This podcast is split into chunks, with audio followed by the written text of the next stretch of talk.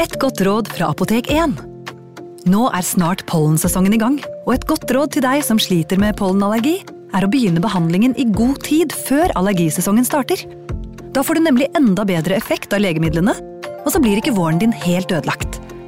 Kom innom og få råd på ditt nærmeste Apotek 1, eller chat med oss på apotek1.no. Apotek 1 vår kunnskap, din trygghet.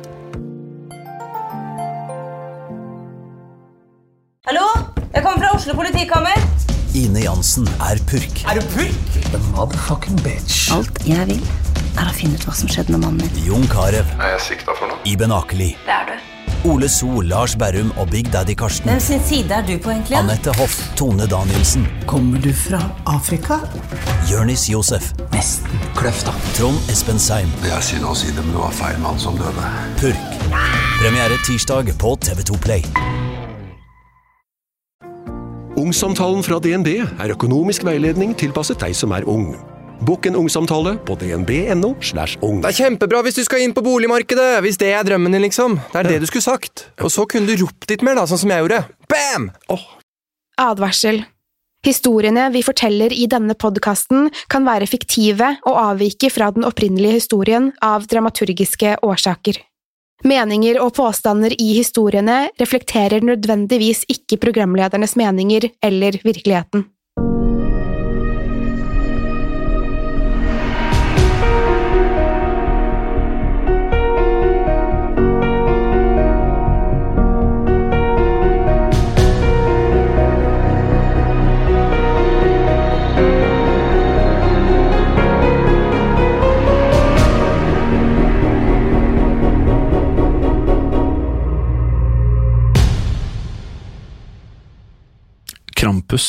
Julenissens barnespisende motstykke. Det sies at han dukker opp om kvelden 5. desember, natten som kalles Krampusnatt. Han bærer en bunt med gullmalte stokker av bjørk som han slår slemme barn med. Når du hører lyden av en bar menneskefot og slagene fra en klovet hov om hverandre, da vet du at Krampus er på vei. Hans navn er Krampus, skrekkens fyrste i Østerrike og den alpinske regionen. Selv om beskrivelsen av han endrer seg fra region til region, er det noen ting som går igjen. Krampus skal ha spisse, djevelaktige horn på hodet og en slangelignende tunge. Han er dekket av stri pels fra topp til tå, og han ligner en geit krysset med en demon. Langs kroppen og armene hans går det tynne kjettinger med bjeller festet på. Han bærer alltid på en stor sjekk og iblant en kurv som han kan bortføre uskikkelige barn med. Krampus kommer til byen natten før Sankt Nikolasdagen den 6. desember. Den natten går han innom alle hus for å straffe ulydige barn. Er du heldig, får du bare et raskt slag med en bjørkestokk. Hvis ikke, kan du ende opp i sekken hans. Da går du en riktig ille skjebne i møte. Legendene sier at Krampus spiser deg eller drukner deg i en elv. Dersom du har vært spesielt uskikkelig, kan han også finne på å slenge deg ned i helvete. Iblant jakter han på slemme barn gjennom hele juletiden. Noen ganger går han sammen med Sankt Nikolas, som i den delen av Europa ikke bryr seg om de slemme barna. Han konsentrerer seg om å gi gaver til de snille barna som oppfører seg ordentlig, og overlater resten til sin mørke motsetning. Ingen er riktig sikre på hvordan Krampus ble en del av julemoroa på steder som Østerrike, Bayern, Tsjekkia, Slovenia og Nord-Italia. Noen mener han har hedenske aner. Navnet hans kommer fra det tyske ordet Krampen, som betyr klo. Han ligner også på sønnen av dødsrikets gud, Hel, fra gamle norrøne legender. Det kan hende han hadde noe å gjøre med gamle hedenske vinterritualer, der folk gikk i tog i gatene for å skremme vekk vinterens ånder. Da kristendommen gjorde sitt inntog i regionen, begynte utseendet til Krampus å forandre seg. Han fikk sine klirrende kjettinger og et langt mer djevelsk utseende. Folk kler seg ofte ut som Krampus den 5. desember, med forseggjorte, djevellignende masker av tre. Mange hevder fortsatt at de ser ham i juletider, på jakt etter slemme barn og straffe. Her er noen historier fra folk som har sett ham. Krampus advarsel Jeg møtte Krampus en gang da jeg var liten. Før det trodde jeg julen ikke kunne inneholde noe annet enn glede. Foreldrene mine tok meg alltid med for å treffe julenissen hvert eneste år, og jeg fikk aldri kull i julestrømpen min. Jeg trodde på julenissen fram til jeg var ni år gammel. Derfor oppførte jeg meg alltid pent i månedene før jul. Som barn vil man jo alltid ha så mange gaver som overhodet mulig. Jeg husker fortsatt hvor oppglødd jeg ble hvert eneste år. Det året jobbet begge foreldrene mine sent en god del kvelder, så de lot meg alltid være igjen med søsteren min. Hun var 16 år akkurat dette året. Vi kom egentlig aldri så godt overens fram til vi ble voksne og slapp å bo i det samme huset. De kveldene foreldrene våre var borte, pleide hun å invitere kjæresten sin til oss i all hemmelighet. Jeg truet henne med å fortelle det til mamma dersom hun inviterte kjæresten sin igjen. Mamma og pappa hadde sagt at vi ikke fikk lov til å ha besøk mens de var borte. Siden jeg bare var et barn, kom jeg også med litt mer latterlige trusler, som at jeg skulle fortelle til julenissen, slik at hun da ville få kull i julestrømpen sin, fordi hun ikke fulgte reglene. En dag ble hun lei av maset mitt og bestemte seg for å slenge med leppa tilbake. Hun begynte med å spørre om jeg visste hva som var enda verre enn å få kull i strømpen min. Jeg var en nysgjerrig liten gutt, så selvfølgelig måtte jeg finne ut hva hun mente. I det som i mitt hode var en tøff tone, spurte jeg hva som var verre enn kull. Hun svarte Krampus. Jeg visste ikke hvem eller hva Krampus var, men det hørtes ikke bra ut. Hva er Krampus? spurte jeg. Hun smilte, et ondskapsfullt smil som hadde brent seg inn i minnet mitt. Du vet at julenissen ikke finnes, ikke sant? Ikke lat som om du ikke vet det. Mamma og pappa kjøper alle gavene til deg, og mannen du drar og besøker på kjøpesenteret, som kaller seg julenissen, er bare en skuespiller med skjegg. Jeg var ikke så overrasket som hun kanskje hadde håpet, men den tiden hadde jeg allerede vært litt skeptisk til julenissen en stund. Men, fortsatte hun, vet du hva som er virkelig?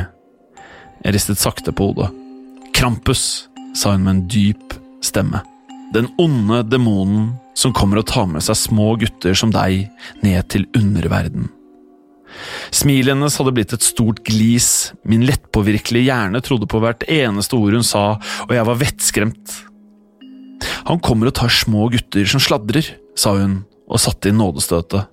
Hvis du sladrer på noen tre ganger i juletiden, så kommer juledemonen Krampus og tar deg. Selvfølgelig tok hun deretter opp at jeg allerede hadde sladret på henne to ganger den siste uken. Bare det skremte vettet av meg. Den neste uken sladret jeg til mamma om at søsteren min hadde tatt litt av lørdagsgodtet mitt, helt uten å tenke meg om. Da jeg innså hva jeg hadde gjort, tenkte jeg ikke på annet enn Krampus hele dagen. Den egentlige legenden sier bare at Krampus straffer barn som ikke oppfører seg.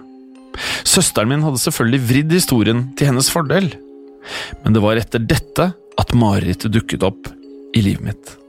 Dette var det samme året som jeg begynte å tenke på jenter. En kveld gikk jeg på rommet til foreldrene mine mens de var borte. Jeg lette etter batterier til den fjernstyrte bilen min.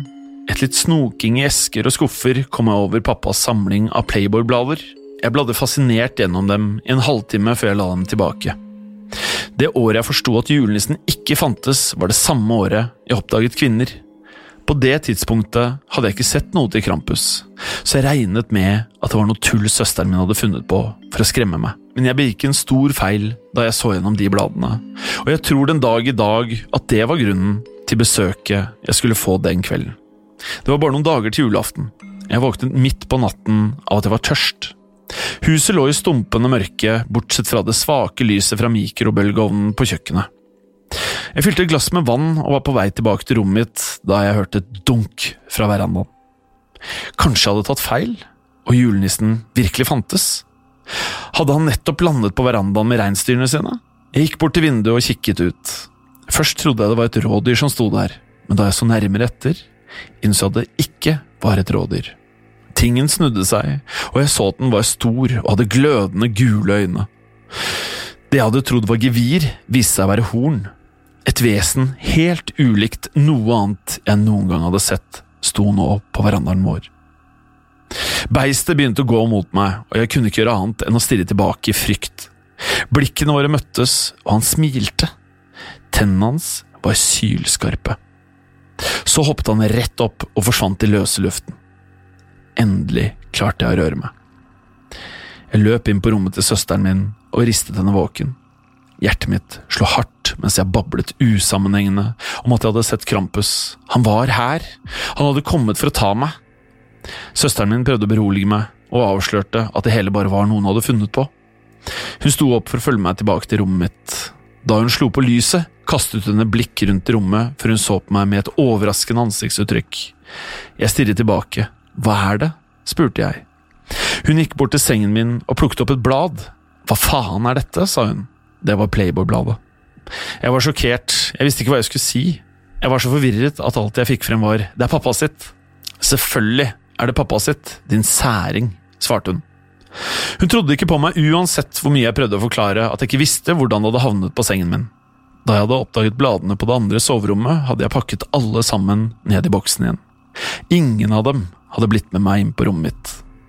Men søsteren min, hun trodde ikke på meg. Hun advarte meg og sa at hvis hun så meg med et sånt blad igjen, så ville hun gå rett til mamma og pappa. Da sluttet jeg bare å forsvare meg. Det nyttet ikke. Jeg fant aldri ut hvordan bladet kom dit, og hva vesenet jeg så utenfor egentlig var for noe. Det er mange år siden nå. Alt jeg kan si, er at det er fullstendig mulig at jeg så Krampus denne natten, og at han advarte meg. Ikke mer ugagn fra deg. Jeg har aldri snakket med søsteren min om den natten igjen. Egentlig er jeg litt redd for å ta denne samtalen. Forhåpentligvis vil jeg aldri støte på Krampus igjen.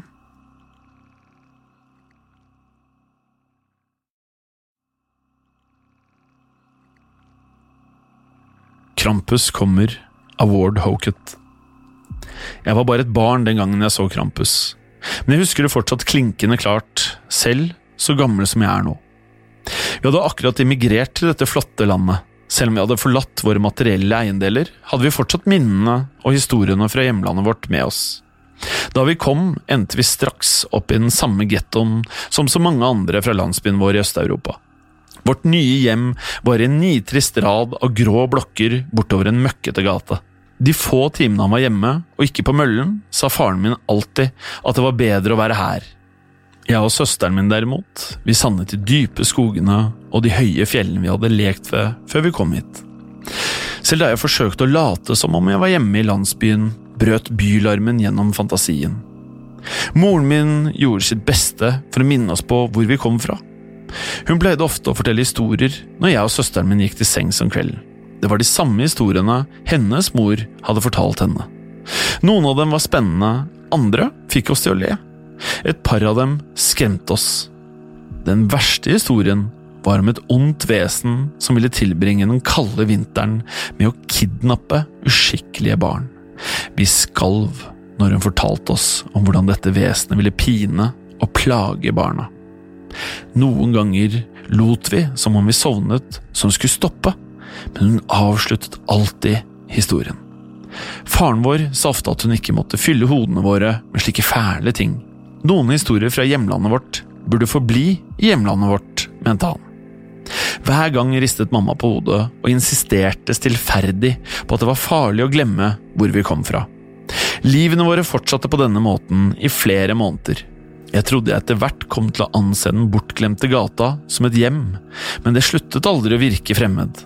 Det virket faktisk som om ingenting hadde forandret seg siden vi kom dit. Livene våre hadde verken blitt bedre eller verre, og jeg følte meg fortsatt som en uønsket fremmed i mitt eget nabolag. Det eneste som hadde forandret seg, var oppførselen vår. Jeg og søsteren min kom i mer trøbbel enn før nå. Vi skadet aldri noen, men vi hadde så lite at vi noen ganger var nødt til å stjele dersom vi ville spise den dagen. Det var vanligvis søsteren min som fikk ideene til dagens rampestreker, og jeg kastet meg bare på. Man ser jo alltid opp til sine eldre søsken.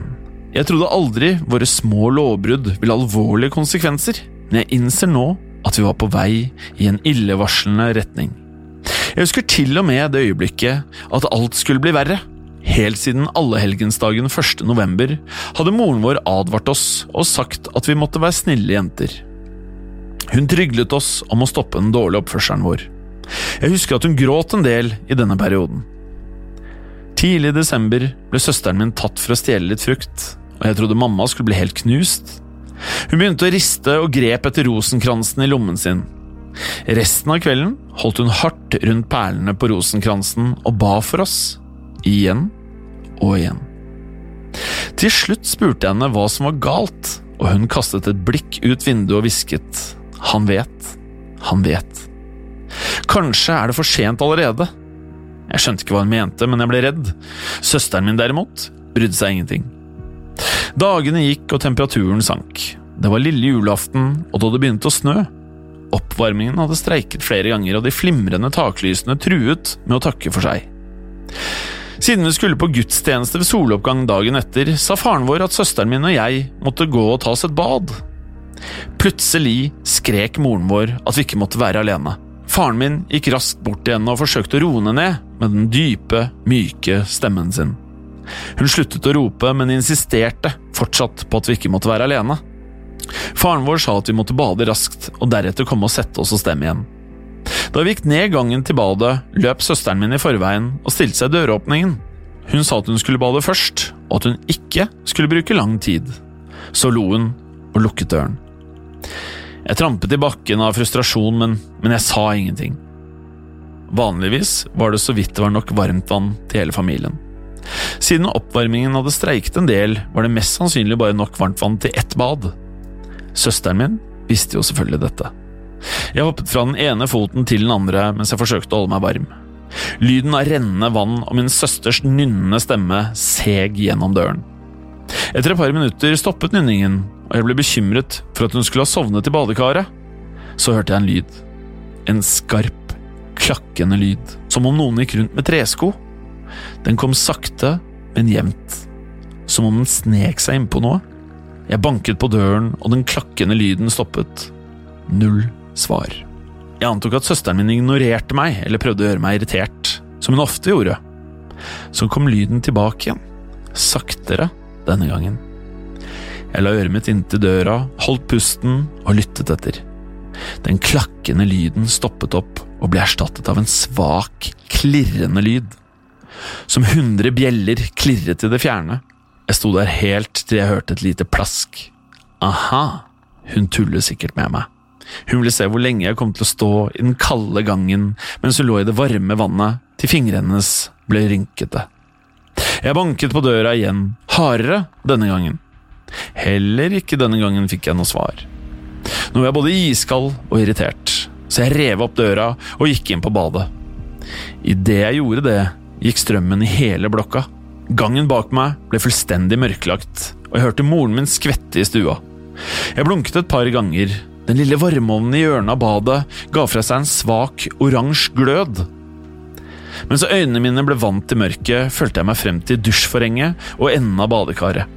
Jeg skulle til å kjefte på søsteren min for å ha brukt så lang tid, men ordene bare døde i munnen min da den svake gløden lyste opp noe jeg ikke forventet å se. Den sto ved siden av badekaret. Selv om den sto bøyd fremover, var den over to meter høy, og hornene ga den en ekstra 30 centimeter. Kroppen var dekket av en stri, sort pels som minnet om geiteskinn. Et av de kraftige bena endte i en hov. Det var den som hadde lagd den klakkende lyden. En tykk hale slo fra side til side i luften, lik en kobra som sirklet rundt byttet sitt. Solide kjettinger gikk på kryss og tvers av tingens muskuløse bryst og skuldre. I kjettingene var det festet små bjeller som klirret når tingen pustet inn og ut. Det var det jeg hadde hørt. Gule øyne som lyste av raseri stirret ned over tingens altfor skjeve nese. En hvesende pust for gjennom munnen med så lange hoggtenner i at jeg ikke tror den kunne lukke munnen ordentlig. Den lange, spisse tunga hang ned forbi den vannsirende kjeven som minnet om en grotesk hund. Tykke bobler av spytt samlet seg i munnvikene dens. Den siklet, og noe falt ned i badekaret også. Jeg så ned, og armene dens var lange og fullstendig hårløse. Hver finger endte i skarpe klør. Så la jeg merke til håret som fløt opp mellom fingrene hennes. Håret til søsteren min. Beistet holdt hodet hennes under vannet. Jeg skrek. Først i det øyeblikket så tingen på meg. Den virket ikke skremt, men heller nesten lunefull. Som om jeg hadde stilt den en gåte som den allerede visste svaret på. Den reiste seg opp i sin fulle høyde mens den så på meg. Hornene skrapte nesten i taket. Da den reiste seg, løftet den også søsteren min opp av vannet. Jeg ville skrike igjen, men klarte bare å gispe. Beistet holdt henne med den ene hånden sin. Alle fem klørne hadde spiddet rett gjennom kroppen hennes. Merkelig nok var den eneste tanken i hodet mitt akkurat da at jeg håpet at søsteren min allerede var død. Hvis hun hadde druknet, ville hun ikke trenge å føle smerten fra å bli gjennomboret av klør. Beistet tok et skritt mot meg og utstøtte et hes, skringende latter som hørtes ut som et dyr som ble kvalt. Den holdt søsteren min fram mot meg, som om den tilbød meg kroppen hennes på den mest grusomme måten. Vi hørte skritt fra gangen. Foreldrene mine løp mot badet for å se hva som var galt.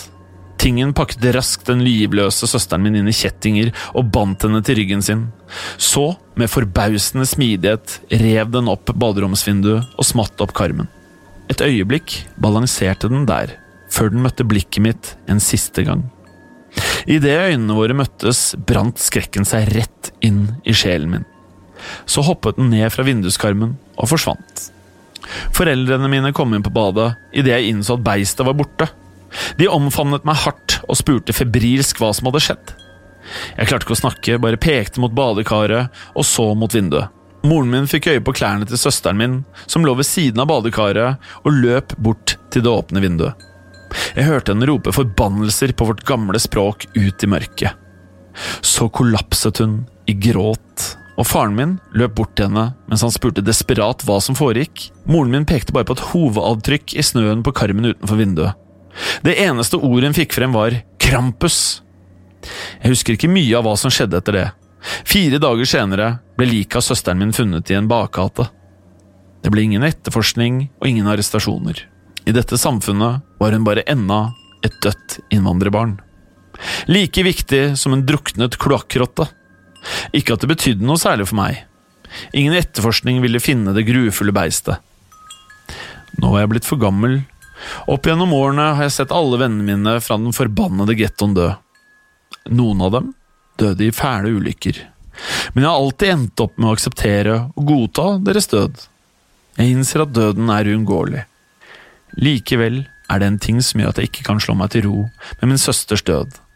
For da politikonstabelen kom på døra vår med nyheten, fortalte han at søsteren min ikke hadde vært død i mer enn én time da de fant henne.